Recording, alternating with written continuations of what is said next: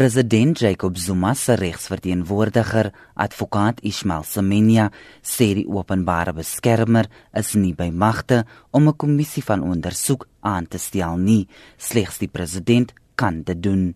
And we make the obvious statement that this power is quintessentially an executive power. It is an executive power that only the president, according to the constitution, can exercise, and to exercise it alone without any necessary concurrence with the members of the executive.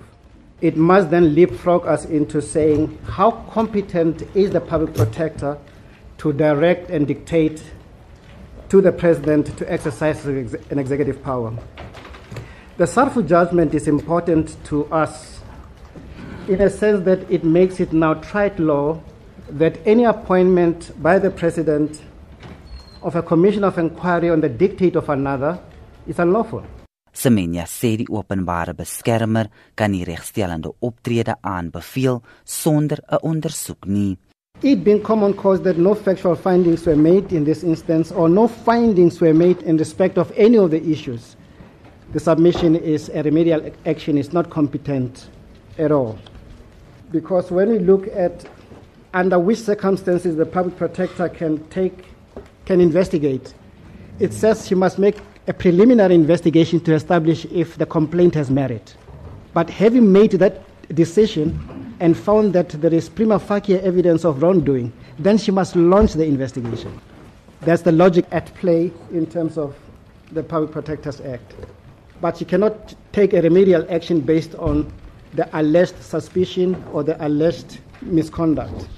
Die regsverteenwoordiger vir die openbare beskermer, advokaat Vincent Maleka, sê die president het 'n grondwetlike verpligting om die openbare beskermer te ondersteun met die oprigting van 'n kommissie van ondersoek. The remedial action, understood on its own terms, does not dictate to the president. Far from it.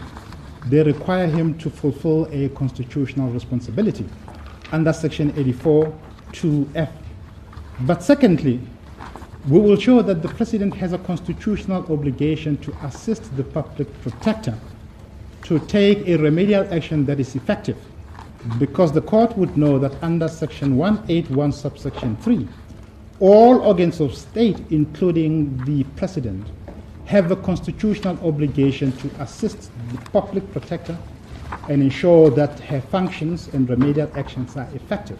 Die saak duur voort. Jean Estreisen, SAK nuus.